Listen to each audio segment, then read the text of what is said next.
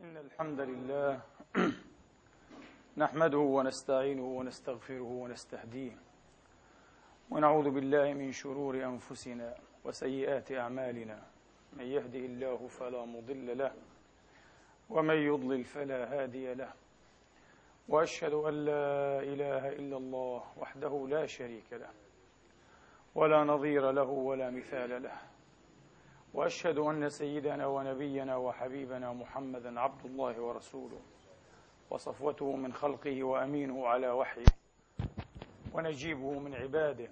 صلى الله تعالى عليه وعلى آله الطيبين الطاهرين وصحابته المباركين الميامين وأتباع بإحسان إلى يوم الدين وسلم تسليما كثيرا.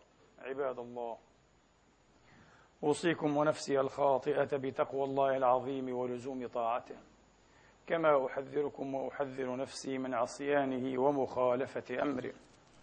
لقوله سبحانه وتعالى من قائل من عمل صالحا فلنفسه ومن أساء فعليها وما ربك بظلام للعبيد. ثم أما بعد أيها الإخوة المسلمون الأحباب أيتها الأخوات المسلمات الفاضلات يقول الله سبحانه وتعالى في كتابه العظيم بعد أن أعوذ بالله من الشيطان الرجيم. بسم الله الرحمن الرحيم. هل أتى على الإنسان حين الدهر لم يكن شيئا مذكورا. إنا خلقنا الإنسان من نطفة أمشاج نبتليه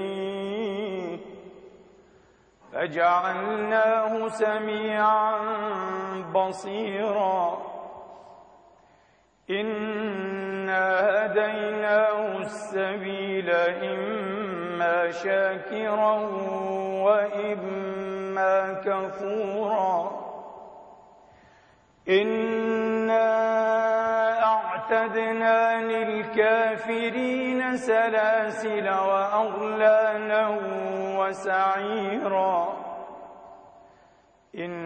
الأبرار يشربون من كأس كان مزاجها كافورا عينا يشرب بها عباد الله يفجرونها تفجيرا يوفون بالنذر ويخافون يوما كان شره مستطيرا.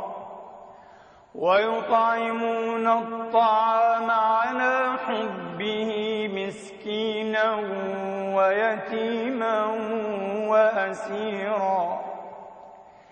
إنما نطعمكم لوجه الله لا نريد منكم جزاء.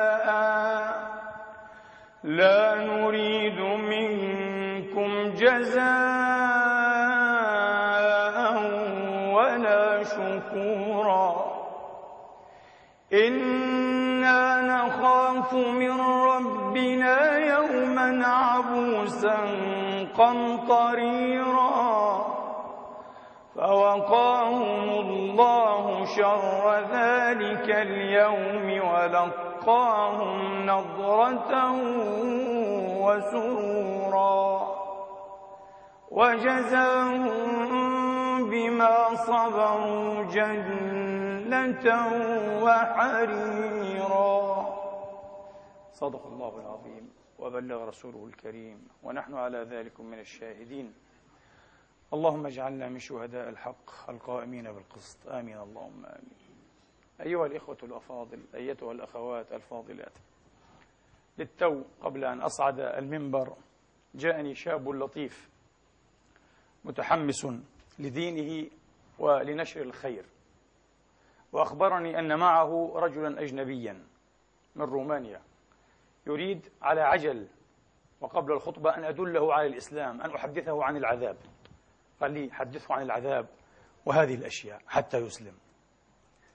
وهذا بالضبط. وتماما أيها الإخوة عكس وضد ما جئت أحدثكم عنه عن الرحمة وليس عن العذاب. ومن أراد أن يدل على الله فليدل على الله تبارك وتعالى من باب الرحمة. لا من باب العذاب.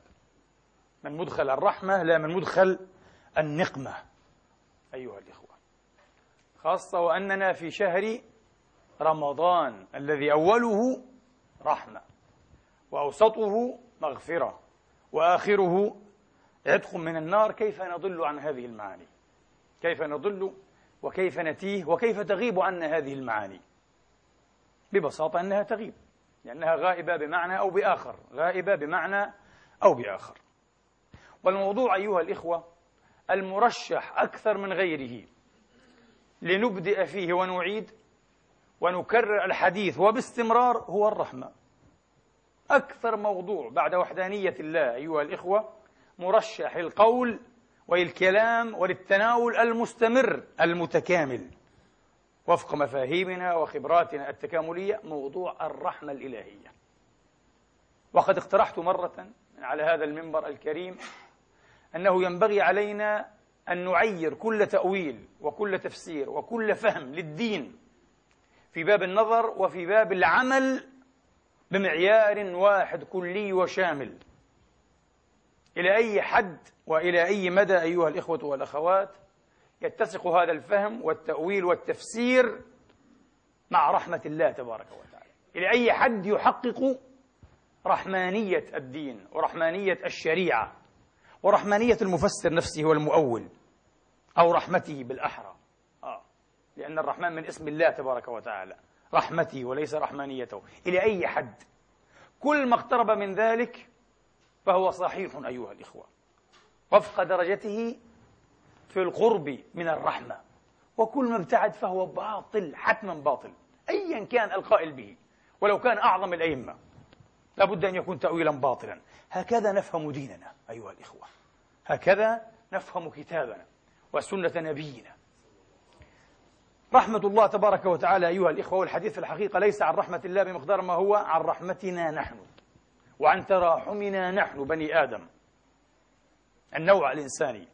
لكن رحمة الله تبارك وتعالى لسعتها وتغلغلها وعمومها وشمولها تورث بعض الناس. لا أقول كثيرين لكن بعض الناس شكا وارتيابا.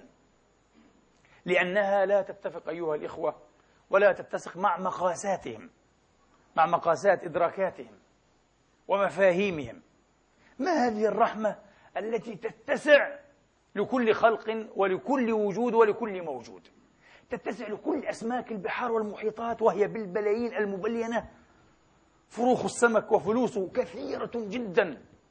رحمة تلاحق كل فلس من هذه الفلوس. أبناء السمك الصغار صغار السمك فلوس السمك. نعم. تلاحق النمل والذبان والنحل وسائر الحشرات. نعم. تلاحق الدود دود الأرض كل دودة دودة. وهي بالبلايين في التربة وعلى الأشجار نعم. تلاحق أعشاب الأرض. عشبة عشبة. خذ أي عشبة صغيرة نعم مرحومة. مرحومة تهمي عليها رحمة الله تبارك وتعالى. هنا ينفسح مجال للشك والإلحاد. مستحيل. ما هذا ما هذا الكائن؟ ما هذا الوجود العلوي الذي يلاحق كل هذه الأشياء؟ يبدو أنه أسهل على عقلي أن أقول هذا شيء أه اتفاقي وعرضي متروك لنفسه ومتروك لفوضى الطبيعة تعتمل فيه. ولا تحدثني عن رحمة إيه؟ تخص كل دودة وكل سمكة وكل عشبة يلحدون. طبعا هو الآن أحل نفسه محل الله تبارك وتعالى. لكن منظوره ليس إلهيا منظوره لا يزال إنساني.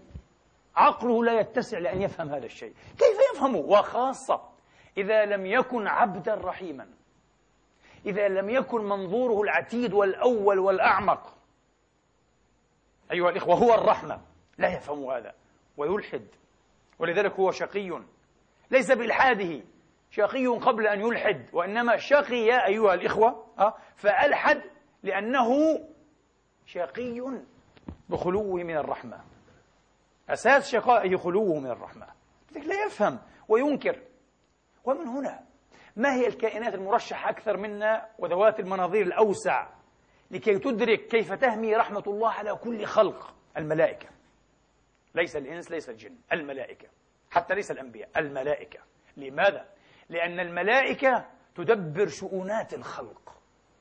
هناك ملائكة تختص بالأرزاق أيها الإخوة وبالأمطار وبالنماء. ملائكة. آه. وتوزن هذه الأشياء. تنزلها بأمر الله هي مأذونة. وبإذن الله بميزان. ملائكة موجودة قوة غيبية قوة إلهية. ملائكة مختصة بالحفظ حفظ الكائنات وحفظ حيواتها تحقيق أمنها المعقبات. الله سماها المعقبات. وهكذا. ولذلك الله في أكثر من سورة في أكثر من مستهل سورة يقسم بهذه الأصناف والأنواع من الملائكة. والذاريات ذروة فالحاملات وقرا فالجد إلى آخره. أه؟ والنازعات غرقا والناشطة نفسا الملائكة يقسم بها تبارك وتعالى. هذه الملائكة مرشحة أكثر منا من خلال منظوراتها التخصصية مهنيا أن تدرك رحمة الله أكثر منا. ولذلك على لسانها أجر الله تبارك وتعالى هذه الضراعة المبتهلة أو هذا الابتهال الضارع. ربنا وسعت كل شيء رحمة وعلما. هذا مقول الملائكة. الملائكة قالت هذا. ليس البشر ليس الأنبياء ليس الإنس ليس الجن الملائكة. ربنا وسعت. لأنها ترى هذا كل لحظة. قرأت لمهندس من المملكة السعودية. كثر الله من أمثاله. هذا المهندس حدث انقلاب وانعطاف كبرى في حياته. في حياته العملية. بسبب ماذا؟ ذهب إلى مكان معين يعمل فيه ينقب عن البترول مهندس بترول.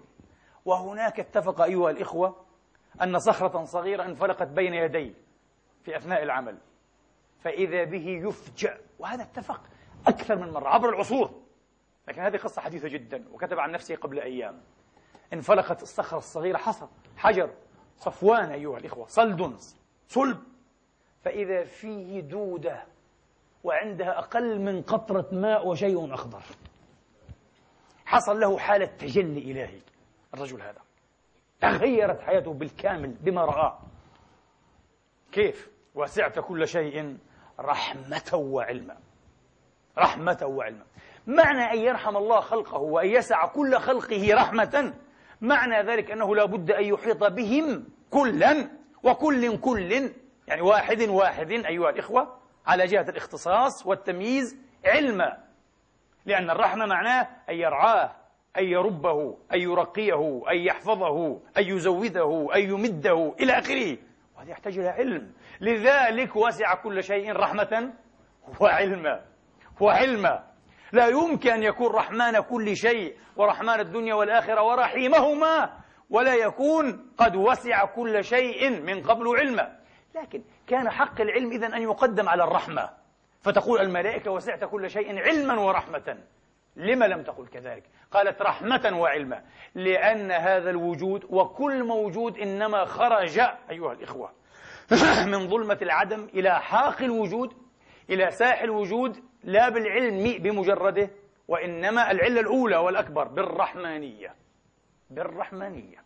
ويدبر ويرعى وأعد وهي بالرحمانية. ولذلك الرحمن على العرش استوى لا إله إلا هو. يدبر هذا الخلق كله ويهيمن عليه ويرعاه برحمانيته وهو فيض رحمانيته. ولذلك أقصر طريق إلى الله وأسهل طريق وأوضحها بتأنيث الطريق وهي الأفصح والأخرى فصيحة أيها الإخوة الرحمة. الرحمة أن نكون رحماء أن نحاول أن نوسع حظنا وقسمنا أيها الإخوة ونصيبنا من الرحمة. لكن هيهات في نهاية المطاف الواحد منا لا يستطيع أن يتحدث عن رحمة الله وأن يدرك من رحمة الله وأن يستشعر من رحمة الله وأن يرى من رحمة الله إلا بمقدار ما لديه من رحمة. معضلة هذه مفارقة كبرى. أنت مدعو أن تتأمل في رحمة الله وأن تتملى تمظهرات وهيمان هذه الرحمة في الكون. الكون هائم في رحمته والرحمة هائمة بكون الله تبارك وتعالى. وفي الحديث المخرج في الصحيحين وفي معظم دواوين أهل السنة. وكتب الحديث. إن لله تبارك وتعالى مئة رحمة. أرسل واحدة منها في رواية أنزل وفي رواية أرسل. أرسل واحدة منها في خلقه. فبها تتراحم الخلائق. فبها تتراحم الخلائق. حتى أن الدابة أيها الإخوة في رواية آه الفرس. الدابة ترفع حافرها لئلا تطأ إيه؟ فصيلها أو ابنها ولدها. دابة عندها رحمة. وادخر لعباده تسعا وتسعين رحمة يرحمهم بها يوم القيامة. شيء عجيب. كيف ندل عليه بالعذاب؟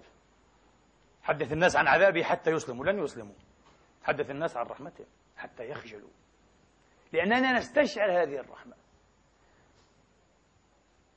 هذا الحديث الشريف أيها الإخوة المخرج في الصحاح قد يلهم عالما من علماء النفس أو علماء الاجتماع وخاصة علماء النفس. يقول عجيب يعني محمدكم يزعم أن الرحمة منزلة مرسلة شيء مخلوق يعني مش كلتوري مش culture لا مش culture ومش تربية مش تربية. شيء إلهي شيء إلهي موجود في الداخل. هل هذا حق؟ حق. حق مثلما أنكم تنطقون. هذا الشيء خلقه الله وأنزله وأتاحه. ولولا هذا الشيء أيها الإخوة لفني الوجود. لأكل كل شيء كل شيء لمجرد الانتقام أيها الإخوة. لكن هذه رحمة مرسلة موجودة. البشر يعانون من قلة الرحمة أيها الإخوة. الحروب والمجاعات والفيضان والتوزيع اللامتكافئ للثروة. ضروب الاستعمار المقنعة والسافرة. عبر التاريخ مستمر مستمر. حصل تطور كبير بفضل الله وإيجابه ولكن هذا مستمر. أنانية الإنسان. إذا مت ظمآن فلا نزل القطر. أنا وليكن بعدي الطوفان. الآن هناك أجيال بالذات في العالم المتقدم الغربي. وهذا بدأ هذا النمط في التفكير وهذا النمط في الرؤية الكونية أو الرؤية الوجودية. للأسف بدأ يجتاح عوالم حتى المسلمين. ما يسميه علماء الاجتماع في الغرب هنا جيل أو أجيال أه؟ أنا وبعد الطوفان. يعبر عنه أه؟ بقول the me now generation اسمه the me now generation أنا الآن وهنا وبس مصالحي أنا وبس. لا يفكر في أحد ولا في والديه أيها الإخوة. وأحيانا حتى لا يفكر بعضهم في أولاده. شيء غريب. يذهب يحضر فيلم في السينما يعود يرى ابنه الرضيع مات.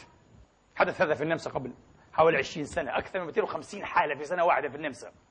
كتبت عنها نيوز تقرير مخجل جدا بسبب أنهم يذهبون يتمتعوا بالموفيز ها أو بالأفلام في السينما يتركون رضيعا يعني بثلاث أشهر أربعة أشهر يموت المسكين شيء عجيب The mean now generation أنا وبعدي الطوفان هكذا نترجمها آه. البشر يعانون من هذا لكن هل هذا أصيل في البشر؟ هل هذا طبيعي في البشر؟ هل يحق لنا بناء على هذا أن نقول كفرنا بالإنسان؟ أم يحق لنا أن نقول لا نزال نؤمن بالإنسان؟ أنا أؤمن بالإنسان. لأن الله قال إني أعلم ما لا تعلمون. الملائكة قالت هذا يفسد يسفك الدماء يقتل يخرب يدمر. مسعر حرب. موقد نيرانها مزكي أوارها. أوارها. لماذا؟ الله قال لا إني أعلم ما لا تعلمون. هذا الإنسان رائع. وسيخرج منه أشياء رائعة كثيرة جدا جدا. تخرج الآن وتزهر. ها؟ وتخضار. وتثمر بإذن الله تعالى. نعم. هنا في الغرب في هذا الغرب هناك أناس رائعون جدا جدا. أتمنى أن أرى مثلهم في عالم المسلمين. ولدينا رائعون. لكن هنا أناس رائعون جدا ويتحدثون بروعة ويسلكون بروعة عجيبة جدا جدا. أتمنى أن أسمع عن عالم دين من أمثالنا عن رجل دين أيها الإخوة. يفعل ما فعل رجل دين أمريكي. إريخ وانن صاحب الكتاب الأكثر مبيعا ربما في القرون الحديثة كلها عدا الكتب المقدسة. أكثر من 30 مليون نسخة. سألت عليه الأموال وورد وايد على مستوى العالم بيع الكتاب أكثر من 30 مليون قبض نسخة. قال سألت علي الأموال أطنانا قال. أطنان من الأموال. وأصبح من أشهر متحدثين حول العالم. أحيانا يقضي شهرا شهرين متصلين مئات الأحاديث حول العالم. الكتاب مدهش. والرجل قس راعي كنيسة. ومثقف كبير أيها الإخوة ومت... وإنسان عظيم حقيقة يحب ويقدر. كثر الله من أمثال هذا الإنسان هذا إنسان. هذا إنسان أنا متأكد أمثال هؤلاء البشر يجعلون الله يذكر الملائكة. ألم أقل لكم إني أعلم ما لا تعلمون؟ هذا إنسان أيضا. هذا من أبناء آدم. أنا أباهي به. أنا أباهي بهذا. ماذا فعل هذا؟ ريخوان ومشهور هذا. حين انهالت عليه الأموال الملايين. مئات مئات الملايين بسرعة. والشهرة أيضا. في نفس الوقت قال الناس طبعا كانوا مصدومين والكل يسألني كيف شعورك؟ قال وأنا كنت مندهشا أكثر منهم وكنت في لحظة توقف في حياتي. قلت ماذا يعني هذا لي؟ شهرة على مستوى العالم. قال لم أقبلها ولم أحبها. قبلها على مضض بعد ذلك. لا يريدها لا يسعى إلى الشهرة. قال ماذا أفعل بالشهرة؟ آه، تأخذون حتى من نفسي وتربي أنانيتي. وذاتيتي المتضخمة لا أريدها قال ماذا أفعل بهذا المال كله؟ مئة الملايين ماذا أفعل بها؟ ماذا أفعل؟ ثمن 30 مليون نسخة. الله أعلم بكم بيع الكتاب 15 ب 20 دولار. شيء عجيب. كم يكون له من كل نسخة؟ الله أعلم. على كل. قال وقفت هكذا وسألت ما الهدف ثم ماذا بعد؟ قال واتفقت مع زوجتي يا لها من زوجة رائعة. هذه زوجة القصة يا لها من زوجة رائعة. قال اتفقت معها على التالي. هذا المال ليس لنا. انتهى. إذا لن نصرفه على أنفسنا. عجيب. نعم. وفعل هذا. قال لا أزال إيه اليوم أمام العالم. في تيد يحكي هذا في تيد بشكل واضح. مؤتمر المحاضرين الأعظم والأكثر التماعا في العالم. في تيد قال لا أزال أركب سيارتي الفورد. خمس راكب. كما هي. لم أغيرها. لم أغير سكني. لم أغير لباسي أنا كما أنا. بل أتيت إلى كل مرتباتي التي تقاضيتها من كنيستي عبر 25 سنة عبر 25 سنة وأعدتها إلى الكنيسة. ثم عدت بأثر رجعي إلى العشر. في الكتاب المقدس يجب على كل مسيحي مخلص أن يدفع عشر ثروته للفقراء والمساكين وفي المشاريع الخيرية أكثر من المسلمين أربع مرات اثنين ونص ربع العشر هم أربع مرات أكثر منا. قال لم يكن عندي ما أدفع؟ العشر فجعلت أدفعه وبنسبة تركيبية. أخرج كل العشر عن ثلاثين سنة قال. أخرجت العشر. وبقيت مئات الملايين قال. أطنان يقول أطنان من الدولارات. أطنان. قال بقيت. قلنا نفتح بها مؤسسات تعالج المشاكل الأكثر حراجة حول العالم مشاكل الجهل والفقر والمرض وخاصة السيدا أو الإيدز وفتح منظمات حول العالم ووضع فيها النقود. ولا زال يعيش رائعا كما كان وكما بدأ. شيء عجيب شيء عجيب قبل يومين يحدثنا أحد إخواني في هذا المسجد المبارك عن أخ عربي مسلم. خسر تقريبا كل ثروته بعشرات الملايين. وسؤالي ماذا كان يفعل بها؟ انتبه. ماذا كان يفعل بها؟ امتحان. ألقينا خطبة قبل أسبوعين عن الامتحان. كل شيء ابتلاء. انتبه. إذا آتاك الله تبارك وتعالى نفوذا أصبحت شخصا نافذا لا ليجعلك نافذا. تظن يعني أعطاك النفوذ حتى أنت تهيص يعني؟ تفرح في نفسك أني أنا نافذ؟ إنسان أصبحت ذا حيثية يعني؟ مستحيل أن الله يعبث هذا العبث. الله عز وجل يؤتيك النفوذ يهبك السلطة والنفوذ لكي تتكلم باسم باسم عذابات وحاجات وضرورات واحتياجات من لا نفوذ له. فقط هذا هو انتبه. هذا الامتحان وهذا الجواب. إذا أتاك الله لسانا عندك لسان أنت صحفي مرموق مذيع في الإذاعة أو في التلفزيون خطيب على منبر كاتب مشهور إلى آخره. تحدث لبق يسمع لك. أوتيت لسانا وطلاقة وفصاحة وعلما وبيانا. لا لكي تهيص على نفسك بالعامية وتفرح بنفسك. أه؟ أنك يعني ما شاء الله قس ابن ساعدة سحبان وائل يعني. القرن الحادي والعشرين. ليس هذا. أه؟ أو ديموسين اليونان أه؟ خطيب أه؟ العالم والعصر. لا لا ليس. هذا وكاتب العالم. هذا كلام فارغ. الله لا يعبث معنا هذا العبث. هذا عبث وسدى. وإنما لتتكلم بلسانك نيابة عمن لا لسان له. نعم تنصفهم وتتكلم بصدق. مهما كلفك هذا أحيانا يكلفك حتى حياتك. ها. تكلم وافعلها. افعلها. وإلا تكون رسبت في الامتحان. وهكذا في باقي الأشياء. ولذلك انتبهوا لا تزول قدم عبد يوم القيامة. ما في ما في انصراف إلى جهنم البعدة. الكفار الأبعدون ولا حتى إلى الجنة. اللهم اجعلني وإياكم وإياكن منهم. اللهم أمين. إلا بعد أن تجيب عن هذه الأسئلة. عن عمره فيما أفناه وعن ماله. من أين اكتسبه وفيما أنفقه. عن ماله. يعني إخوان هذا أجاب ممتاز جدا جدا. واحد يقول لي إيه بس هذا كافر. ورياء الناس. رياء الناس؟ أنا أقول لك أنت لا تفقه شيئا. الذي يقول هذا لا يفقه شيئا. تعرف متى يمكن الإنسان أن يرائي بأفعاله؟ حين يدفع القليل. بطريقة اقتصادية أصلا. طريقة مدخلات ومخرجات. أدفع القليل وأنتظر الكثير. بدفع 100 يورو وما شاء الله المحسن الكبير. بدفع 10000 يورو أنا عندي مليون مثلا. 10000 يورو وبحطوا لي لوحة رخام. ساهم في بناء هذا الصرح الأكاديمي المش عارف إيه الأستاذ فلان الفلاني هيان ابن بيان. طبعا كثير هذا. وأصطاد به بقية الأموال من الناس. وأخذ ثقة زائدة. للتاجر الأمين الرجل الصدوق ذو المصداقية. أتغول أموالهم. لكن حين أدفع كل ما لدي أو معظم ما لدي مش ممكن. ليس هناك شيء في العالم يعدل هذا. جربوا هذا. كونوا أذكياء أه؟ وشجعانا وجربوا هذا. بعض الناس قل له نحن سنخرج تقريرا إخباريا عنك في التلفزيون يا سيدي. عنك ونعمل لك بروفيل خاص وكذا عنك كمحسن كبير. آه أيوة. كم ثروتك؟ مئة ألف. ادفع خمسين. أقول مستحيل بدي فيه تذهب التقرير الجحيم. ماذا تفهم لا أريد. يا أخي لا. أريد. لا يريد لماذا؟ لماذا يخسر خمسين ألفا لقاء تقرير خمس دقائق وعشر دقائق؟ لا يريد لا يفعلها. آه. كيف أدفع كل أموالي لقاء نصبح يعني إيه؟ ما شاء الله الشخص المشهور الناس إيه؟ تحييني تعظيم السلام. لا أريد هذا. لا يفعله. انتبهوا. أنت لا تفعل هذا. أنا لا أفعل هذا. نفعل مع القليل. الرياء يتطرق مع الأشياء القليلة. لذلك الإيمان والقيم والأخلاق والموقف وإنسانيتنا تختبر. متى؟ مع العقبة الكأداء فلا اقتحم العقبة مع الشيء الكبير. وأنا دائما كنت أقول لديك مليون. تدفع عشرة كلام فارغ. لم تدفع شيئا أنت. كل فعل لكي يكون أخلاقيا لا بد أن تشعر فيه بالمعاناة. يصير في تردد في حساب حتى نوع من الحساب. فأبو مليون يدفع عشرة كلام فارغ بدفعها وهو ماشي لكن أبو مليون يدفع مئة ألف مئتين ألف بدها حساب هذه. إيه؟ خمس ثروته ربع ثروته ثلث ثروته 330 ألف 350 ألف بدها. وحين يدفع هنا تتبرهن الإنسانية ويتبرهن الإيمان والصدقة برهان. هنا البرهان هذا البرهان. برهان حقيقي برهن إيمانه.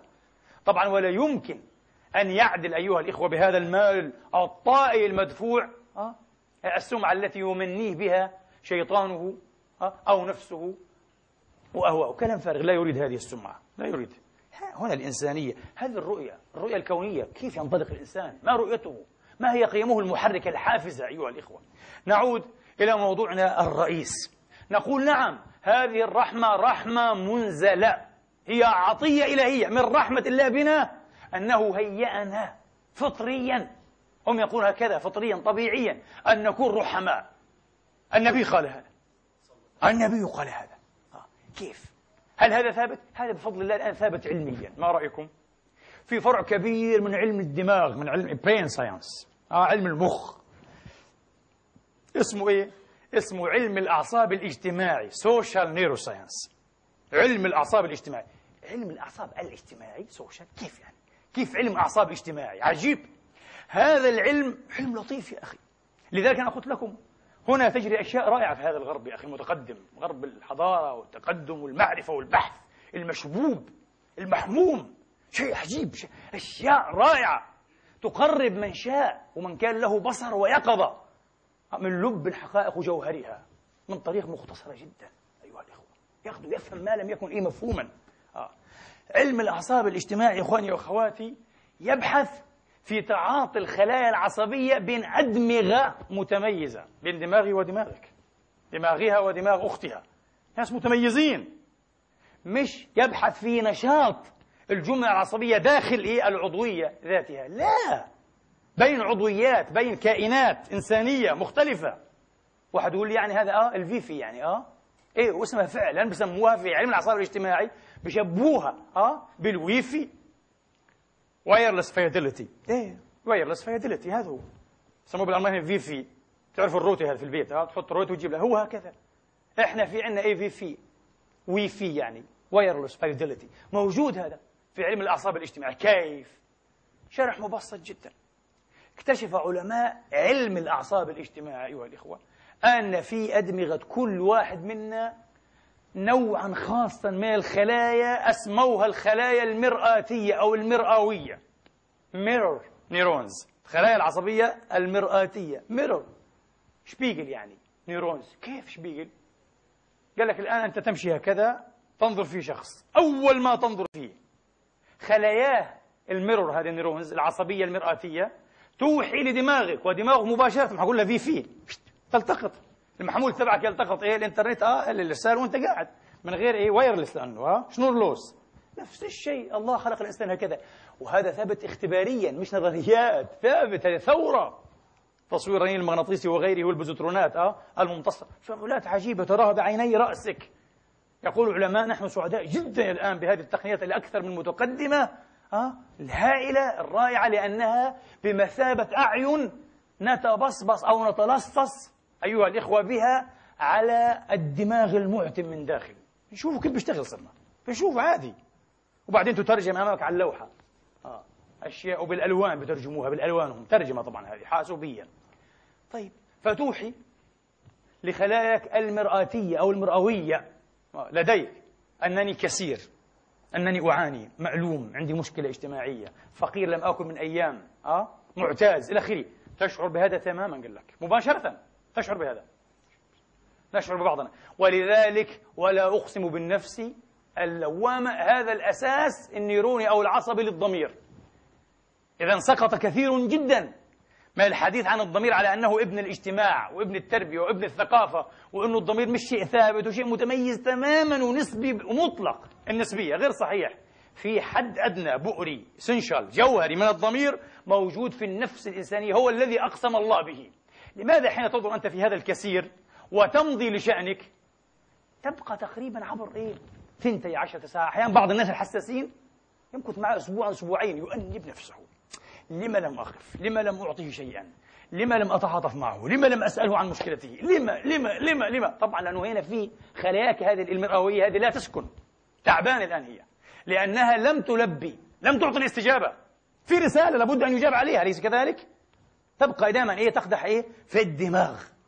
إذا نحن مخلوقون يقول علماء الأعصاب أه؟ الاجتماعيين أو علماء علم الأعصاب الاجتماعي نحن مخلوقون هكذا مخلوقون مفطورون مهيئون مبنيون أيها الإخوة لنتعاطف. يتحدثون عن التعاطف وعن التراحم وعن الانسجام مصطلحات شديدة جدا جدا. Compassion. Compassion لابد أن يترجم بالتراحم. هذا تراحم غير شيء مختلف. Compassion هذا شيء عميق جدا. هناك sympathy. هذا تجانس. أن تحاول أن تدرك مشاعر الآخرين. تدرك. تدرك أنه مثلا تعبان الآن محزون ينوح المسكين مكروث مصاب. مصاب. تدرك هذا مجرد إدراكها. لا يمس الشغاف. لكن إذا تقمصت حالته وصرت يعني تجاوزت حالة الإدراك إلى حالة الشعور والمعاناة تشعر أنك تتألم كما يتألم هو. أحيانا أكثر منه والله بعض الناس يتألم بالنيابة عن آخرين. هم المألومون أصلا. بعض الناس يخجل بالنيابة عن آخرين. يجب أن يكونوا هم الذين يغرقون إيه؟ خجلا وحياء. هذا الشخص بسموه إيه؟ ها؟ متعاطف تعاطفا حقيقيا. إمباثي. التقمص الوجداني يعني. غير السمباثي. موجود. درجات. وهذا على فكرة يحصل معنا بشكل فطري. بعض الأطفال. لاحظ هذا في أبنائك على فكرة. في أولادك. أو حتى في أصدقائك ومعارفك. بعض الناس إذا رأى رجلا مثلا يمشي واصطدم بحائط ضرب رأسه بباب بحائط بشجرة ماذا يقول؟ أوه مباشرة لا شعوري هذا شخص متعاطف شخص رحيم. أوه أحيانا أيها الإخوة يضع إيه؟ يده على عينيه لكي يراه. لا يستطيع أن يرى هذا الشيء. لا يستطيع. آه. بعض الناس يتقدم أكثر من ذلك مش بالإرادة هو هكذا مهيأ لذلك. الله. وضع فيه قدرا إيه أكبر من الرحمة. أو هو نمى في نفسه هذا القدر إيه بأساليب مختلفة يشعر بالألم هو كأن الألم في رأسه هو. يتألم حقيقة يتألم. آه. هذا نوع من التخمص الوجداني العميق جدا. الحركات هذه تسمى المحاكاة الآلية في علم النفس محاكاة آلية. كأنه هو الذي اصطدم بالحائط. نعم شخص متعاطف هذا يدرك يعيش. هنا باللغة الإنجليزية يقولون يمشي يعني إيه؟ في حذائي غيره. ها to be in one's shoes. آه. يكون في حذائي غيره. One's shoes. هذا هو. هذا موجود إذا وهذا من الرحمة التي أنزلها الله تبارك وتعالى علينا أيها الإخوة. الرحمة التي أنزلها علينا تبارك وتعالى. جوهر الدين تحقيق هذه الرحمة. أنا لا أمل أن أعيد هذه الأشياء لأننا نحتاجها تماما. نحتاجها تماما نحتاج أن نتعمق فيها. كما قلت المفارقة أننا مدعوون وندعو إلى هذا لكن للأسف لا يستطيع الواحد أو الواحدة منا أن يدرك أو تدرك من رحمة الله تبارك وتعالى إلا بمقدار ما لديه هو من رحمة. مش نظرية فلسفية هذه نظرية بسيطة جدا جدا وينبغي أن تكون مفهومة لكل واحد منا. كيف يا أخواني؟ عينا الفنان عينا الشاعر تلتقطان من المشهد ما لا تلتقطه عين إنسان عادي صحيح؟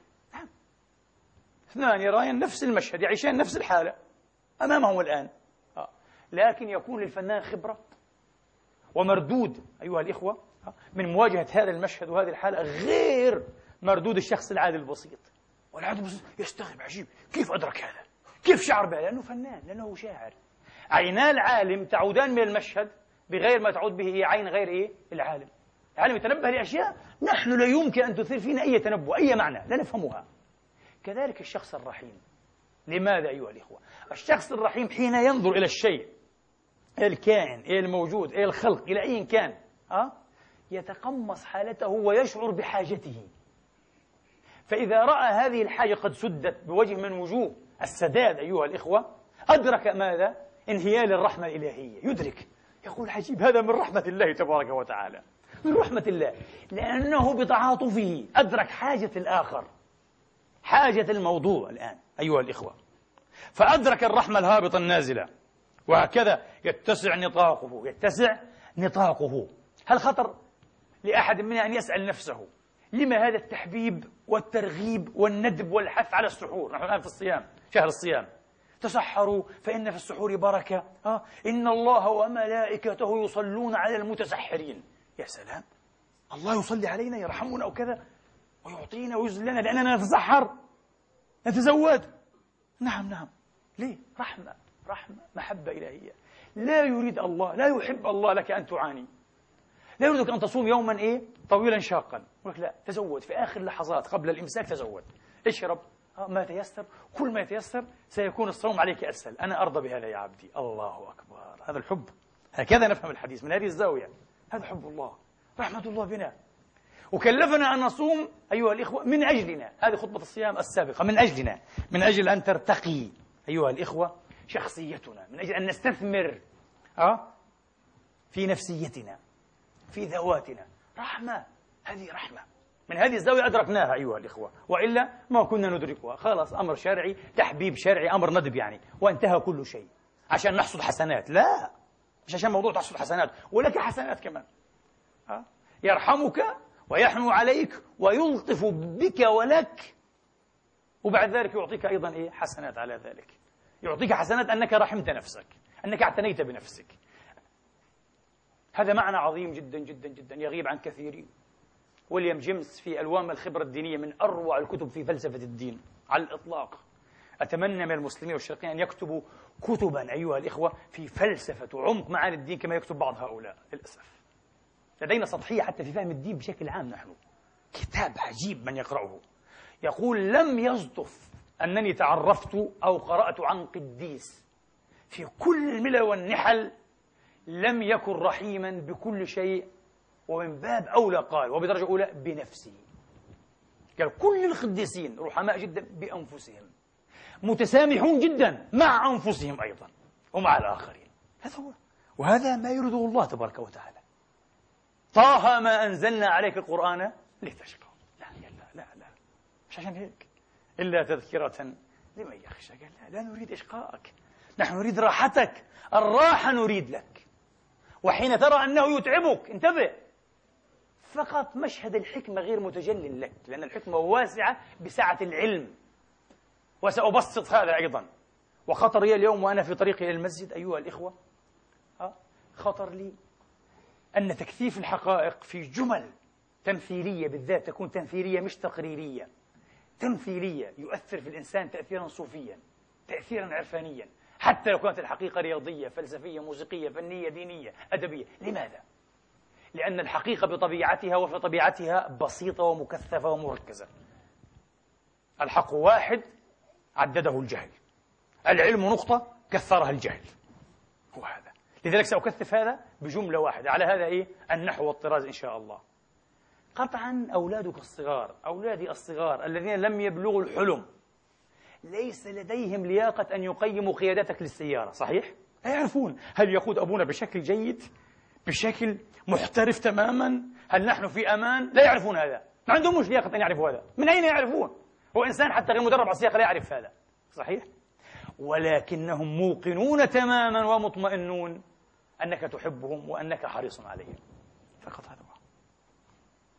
أنت الآن لم يبدو لك ولم تفقه. لماذا نهاني الله عن كذا؟ لماذا أمرني بكذا؟ لماذا ألزمني بكذا؟ صح لم يلح لك. ما عندكش اللياقة أن تعرف هذا؟ هذا يدفع العلم. أولادك ما عندهمش علم بالقيادة وفن القيادة. ما يقدروش. وأنت كمان ما تقدرش الآن. لكن ألست موقنا بحبه سبحانه لك بحرصه عليك بإرادته الخير لك. سلم. سلم تسلم. وتعش مطمئنا سعيدا بإذن الله تعالى. سلم. ستبدو لك الوجوه من بعد إن شاء الله تعالى. هكذا. إذا أيها الإخوة الرحمة والتراحم. إذا أردنا أن نتكلم عن رحمة الله لابد أولا أن نكون نحن رحيمين. لأنه من خلال رصيدنا من الرحمة نستطيع أن نطالع بعض رحمة الله. وفق رصيدنا بمقدار رصيدنا من الرحمة نحن نطالع ماذا؟ رحمات الله تبارك وتعالى بس هذا هو لذلك رحمة الله في عين كل واحد منا أه؟ تختلف عنها في عين الآخر أو في عين الواحد منا تختلف عنها في عين الآخر من فضل الله تبارك وتعالى أننا لسنا قططا ولسنا أسماكا ولسنا حيوانات مدجنة مستأنسة أننا بشر أبناء آدم ما الفرق؟ ما الفرق؟ قلنا مرة إن السمكة في حوض الزينة الأكواريوم في بيتك تشعر. ويعرف من يربي السمك أيها على عينه أنها تشعر بصاحبها وبمن يغير لها الماء ويزودها بالغذاء كل يوم. تشعر بهذا. لكن شعورا محدودا جدا بلا شك هو أقل وأنزل وأوطأ من شعور ماذا؟ الهر القط أو القطة في بيتك. القطة تشعر بهذا أكثر. تشعر بحبك أه؟ برحمتك بعطائك أكثر من السمكة. طبعا بلا شك هناك بون واسع بين شعور القطة وبين شعور ابنتك الصغيرة أو ابنك. يشعر بك أكثر من هذا. وكلما نما وكبر شعر إيه؟ شعورا أعظم بحبك. هناك أشياء لن يختبرها ابنك ولن يشعر بها بحجمها أو بشيء قريب من حجمها إلا بعد أن يمر هو نفسه بها. الأبوة الأمومة الوالدية.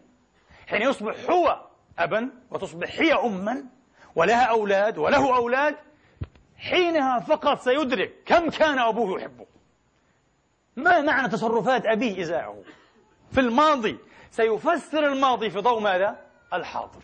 خلاص هذا تفسير بأثر رجعي يعني لا سيفسر الماضي في ضوء الحاضر بعيون الحاضر. ولذلك حتى إذا بلغ أشده وبلغ أربعين سنة صار له أولاد وربما حتى أحفاد. قال رب أوزعني أن أشكر نعمتك التي أنعمت علي وعلى والدي. ذكرت هذا المعنى من قبل على الأقل مرتين في الخطب. لكن أريد الآن أن أذهب خطوة أبعد عاد لكي لا أكرر نفسي وأنا أكره التكرار. ما هي؟ نحن لسنا أسماكا ولسنا قططا لا يؤمل من سمكة أن تشعر بحدب ورحمة صاحبها شعور قطته بها بهذه الرحمة. لا يؤمل مستحيل. والفوارق بين شعور أسماك الزينة على الأقل من نفس النوع تقريبا منعدمة. شعورها متماثل تماما متطابق. صحيح؟ وكذلك بين القطط من نفس النوع. أه؟ متطابق. لكن هل الشعور أيها الإخوة بالرحمات بالحنان بالمعاني أه؟ بالآخر بين أفراد النوع الإنساني متماثل؟ متطابق؟ كلا. هذه ميزة الإنسان. بعض الناس يعجز حتى عن أن يشعر أيها الإخوة بأقرب الناس وأدناهم إليه. من زوجة أو ولد. لا يشعر. عنده نوع من التبلد والعياذ بالله والدوران حول نفسه بشكل محموم على مدار ال 24 ساعة. لا يرى إلا نفسه ولا يطلب إلا نفسه.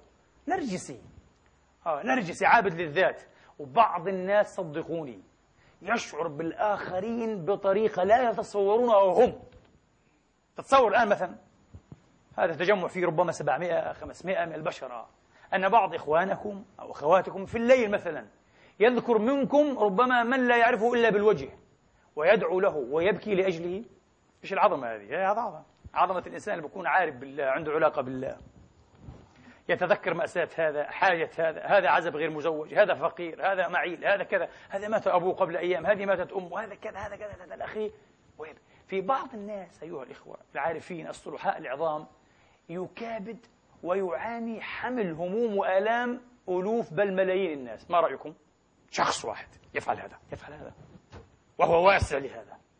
عنده من المدى والقدرة أن يفعل هذا بإذن الله تبارك ما هذه العظمة؟ ما هذه العظمة؟ إذا الآن السؤال النتيجة.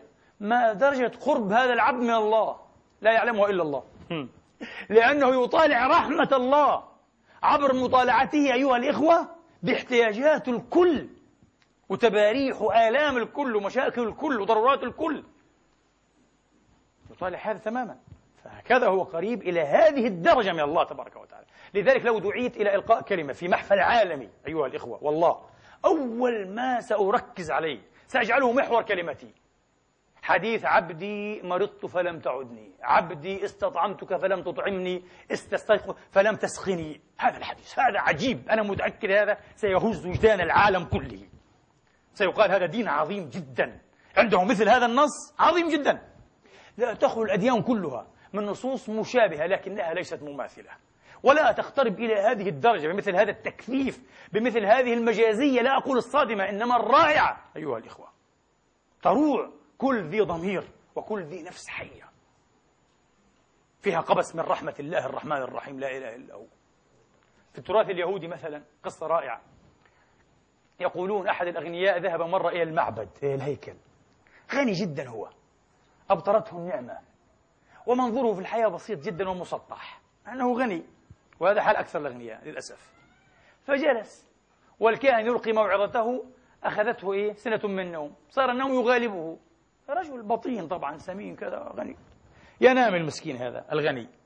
كلما استفاق الكاهن يقرأ من سفر اللاويين. آه. يسمع معبد. إيه، ينام. يسمع الله. ينام. يسمع خبز وطعام. ينام. بعدين إيه؟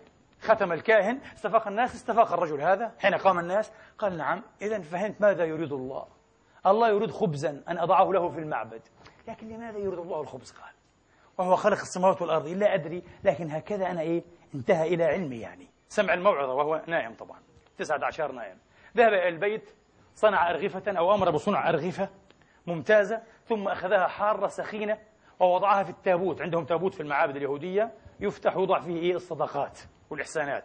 وضعه في التابوت ثم قفل راجعا. وهو في طريق عودته جاء رجل حاجب. المعبد وهو فقير جدا ومعيل عنده عيال كثيرون. وبرحت به الخصاصة. جلس عند التابوت وهو لا يدري ما به. وجعل يضع إلى الله. يا الله أنت تعلم حالي. أنت أغنى عن سؤالي. أنا فقير. أنا معوز. لدي أطفال كثيرون. ليس لدينا خبز ولا طعام ولا شراب. يا الله يا الله يا الله. ثم شم شيئا طيبا. آه لم يشمه من أيام.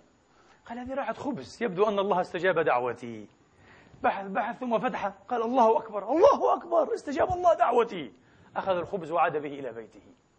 وصل الغني إلى بيته. قال ما أحمقني ما أحمقني. ها؟ ما أقل عقلي وفهمي. الله خالق الوجود يحتاج إلى خبز.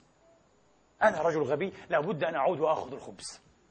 آه هذا إلحاد في أسماء الله. عاد وفتح. لا قال يبدو أنه أخذه لا أدري لماذا يريده آه لكن يبدو أنه قبله فليكن. إذا سأزيده زبيبا. في اليوم التالي جاء بخبز وزبيب. ووضعه جاء الحاج بنفس الشيء. وكل يوم يبكي ويسفح الدموع استجاب الله دعوتي. آه، حقا يجيب دعوة المضطر. يأخذ الخبز والزبيب. قال أخذ الخبز والزبيب. سأزيد زاد بعض الفاكهة وبعض المشروبات الطيبة الحلال. وهكذا. وظل الأمر على هذا النحو سنين استمر سنين. الله يقبل صدقات هذا وهذا إيه الله عز وجل يرفع دعواته الواجفة إلى الله. ممتاز. إلى أن تغير الكاهن في المعبد لا ندري نقل أو هلك مات إلى رحمة الله فجاء كاهن جديد. رأى هذا المشهد من أول يوم فدعا بهما. قال تعال أيها الرجل الغني تعال أيها الحاجب. قال قصتهما عجيبة. آه. أنت دائما تقول الحمد لله قبل الله صدقاتي أخذ خبزي وزبيبي وفكهتي وأنت تقول لب الله دعواتي وغيره هذا لم يحدث. قال كيف؟ أيها الكاهن قال هذا الرجل يضع الخبز وأنت تأتي وتأخذ الخبز. فأصيب بصدمة أحبط. قال الغني إذا أنا أحمق. ثبتت حماقي. فالله تبارك وتعالى غني عن العالمين وعن خبزي. والمسكين قال إذا لست بذلك الرجل الصالح. فالله لم يستجب لي دعوة واحدة حتى. فقال لقد أخطأتما كلاكما أيها هذا الرجلان. أو أيها الرجلان عفوا. أخطأتما كلاكما. أيها الغني ألم تعلم؟ ألم تفطن؟ إلى أن وضعك الخبز والطعام وهذه الصدقات بمثابة استجابة لأمر الله لنا أن نكون رحماء وأن نتواصل مع عباده المعاويز والمحتاجين. قال ربما. قال وأنت أيها الرجل الحاجب الفقير ألم تفطن؟ ألم تدرك أن الله تبارك وتعالى نعم قد أجاب دعوتك حقا وفعلا بأن يسر لك هذا الغني. لكي يفعل ما فعل من أجلك؟ قال ربما. تختتم القصة بهذا الختام الجميل ثم أخذ الكاهن بيد الغني قال له ألا ترى أن يدك هذه هي يد الله تبارك وتعالى؟ السياق الإسلامي أجمل وأكثر تكثيفا عبدي مرضت فلم تعدني. كيف يا رب؟ قال عبدي فلان مرض لو عدته لوجدتني عنده. وهكذا الحديث معروف لكم جميعا أيها الإخوة. هذا جوهر التدين وجوهر الدين. وجوهر القرب من الله تبارك وتعالى. عبر هذه الصيغة الرحمائية أو التراحمية. نسأل الله تبارك وتعالى أن يرحمنا برحمته الواسعة وأن يوسع علينا وأن يغفر لنا وأن يتجاوز علينا وأن يسمح لنا وأن يتكرم علينا. إنه ولي ذلك والقادر عليه. أقول قولي هذا وأستغفر الله لي ولكم فاستغفروه.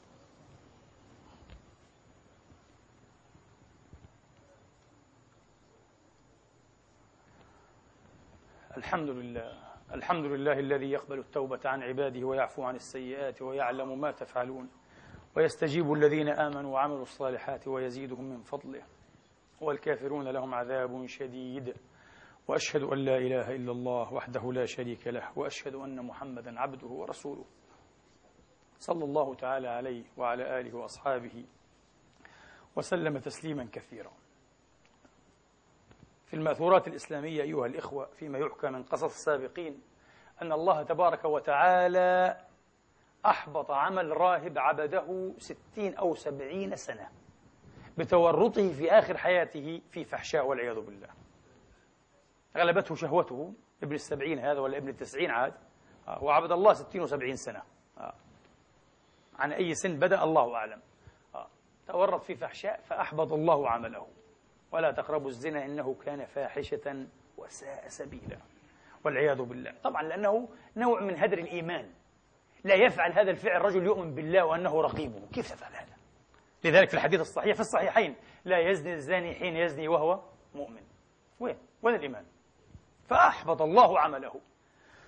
ثم إنه ندم ندامة شديدة جدا جدا. ودخل النهر ليغتسل. والعياذ بالله من نجاسة الفاحشة. وهي نجسة باطنا قبل أن تكون نجسة ظاهرا. فلما خرج وكان لم يأكل إيه من ساعات طويلة. وقد أعد لنفسه قرصة رغيفا هكذا.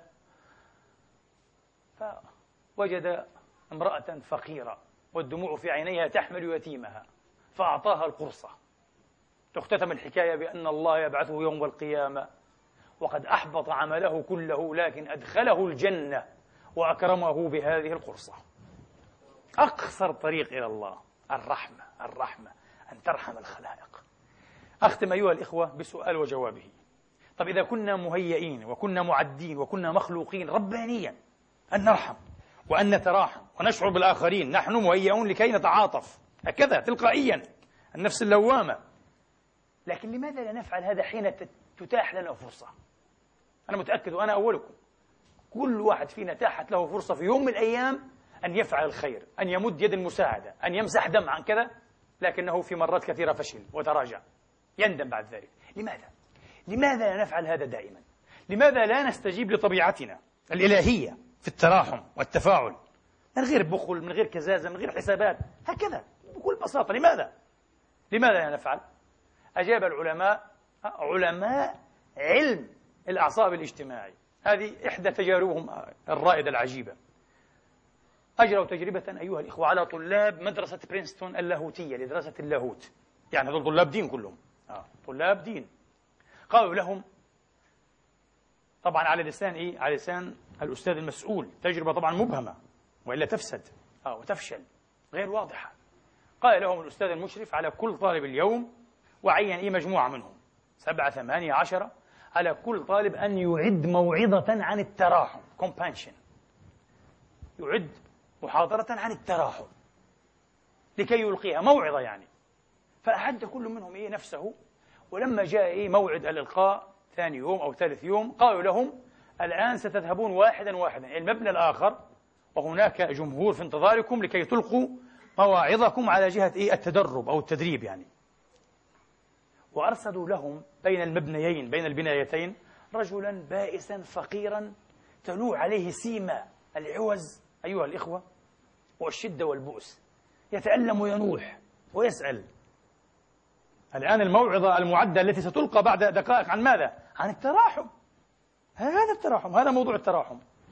فهل توقف أحد هؤلاء الطلاب دارسي الدين لكي يتراحم مع هذا لكي يرحم هذا المسكين؟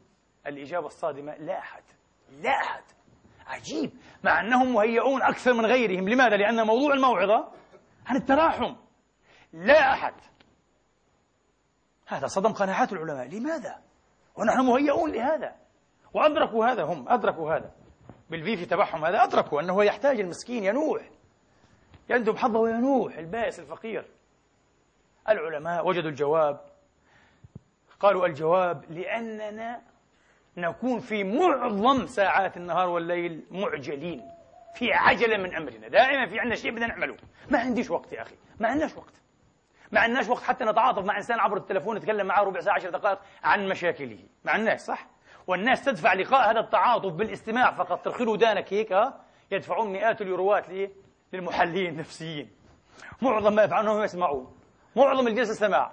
يعلق بثلاث أربع جمل وينتهي كل شيء يدفع 150 يورو. هو هذا. بعض الناس يشكون. أحيانا تأتينا شكاوى شخصية. آه، شخص جرب أن يتزوج 20 مرة دائما يفشل. في أسباب كثيرة في أسباب كثيرة لكن تتصدر قائمة الأسباب انتبهوا أمثال هؤلاء ربما مرشحون أكثر من غيرهم أن يكونوا دائما مستغرقين في الحديث عن ذواتهم عن أنفسهم أنا وأنا وأنا وأنا ودراستي وعلمي وأموالي وجمالي والنساء وأنا وأنت والرجال وكل العالم لا يحبون أمثال هؤلاء أعطني فرصة أن أتحدث عن نفسي هؤلاء يقولون هناك فحص تيست بسيط جدا يمكن لكل واحد منا أن يقوم به حين تلتقي بشخص عد في ظرف نصف ساعة أو ساعة كم مرة كم مرة؟ أتاح لك أن تتكلم عن أناك عن أنت أو أنت في مقابل كلامه عن أنا أنا أنا أنا كم مرة؟ اكتب هذا.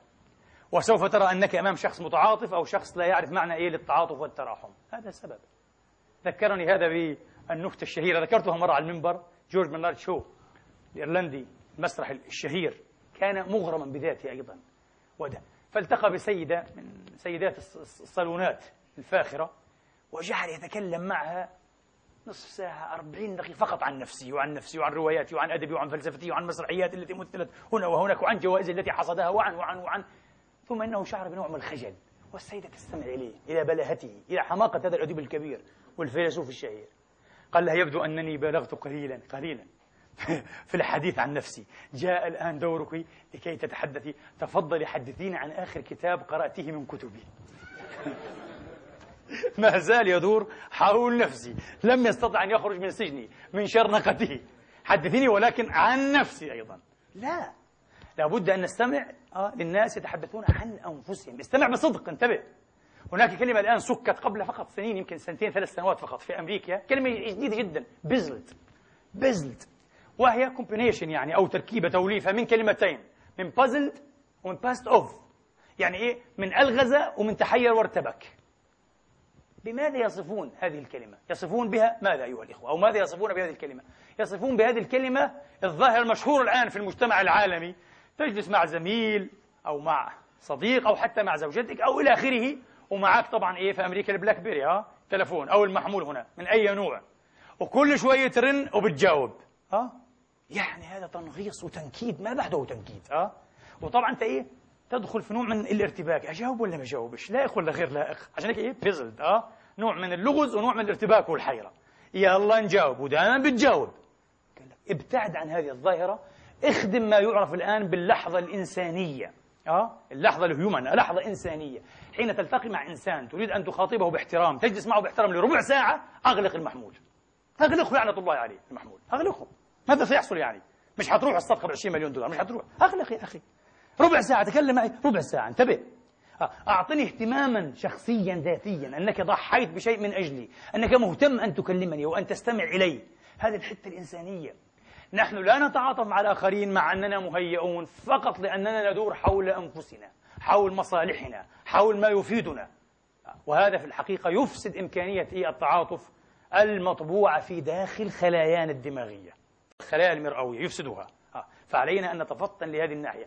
النبي عليه السلام أنا شخصيا لم أقرأ عن شخص متعاطف من هذه الحيثية مثل مثله صلى الله عليه وسلم. ويقولون هو أذن من كثرة ما كان يسمع ويسمع ويسمع ويسمع. يسمع كساعات طويلة. هم قالوا إيش الرجل هذا؟ هذا أذن قالوا. أذن بس. قمع يسمع للناس.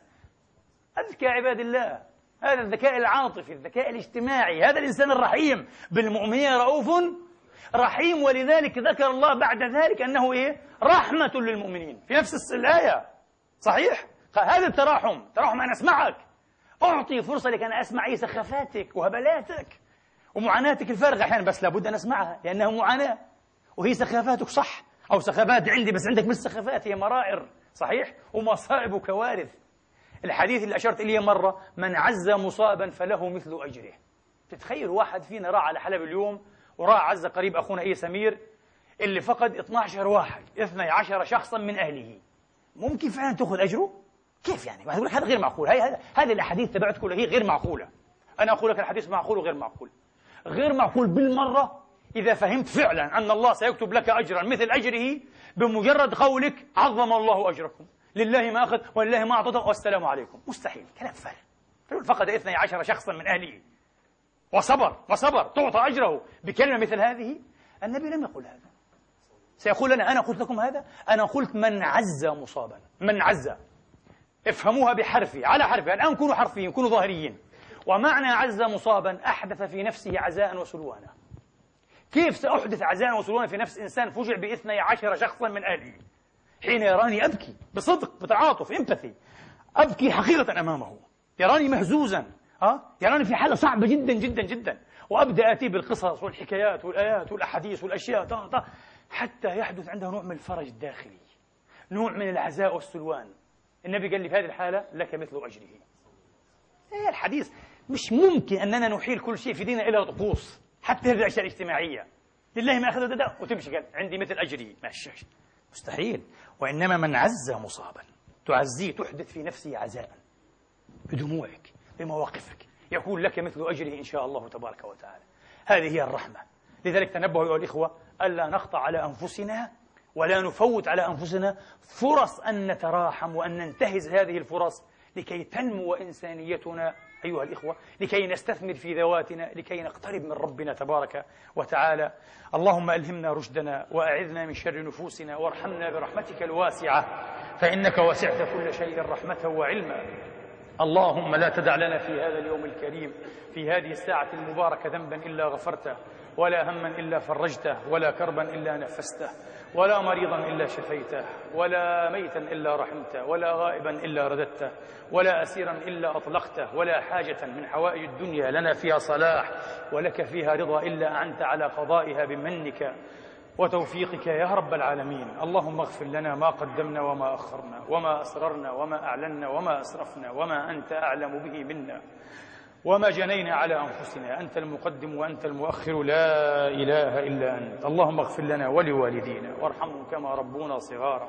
اجزهم بالحسنات إحسانا وبالسيئات مغفرة ورضوانا. واغفر اللهم للمسلمين والمسلمات المؤمنين والمؤمنات الأحياء منهم والأموات.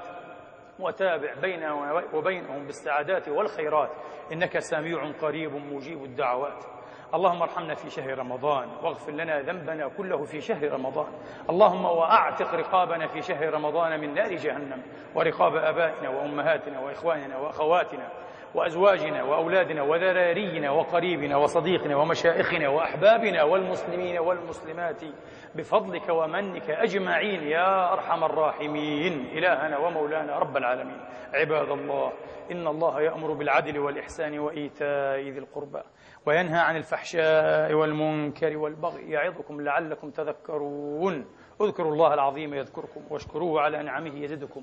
وسلوه من أفضاله يعطكم وقوموا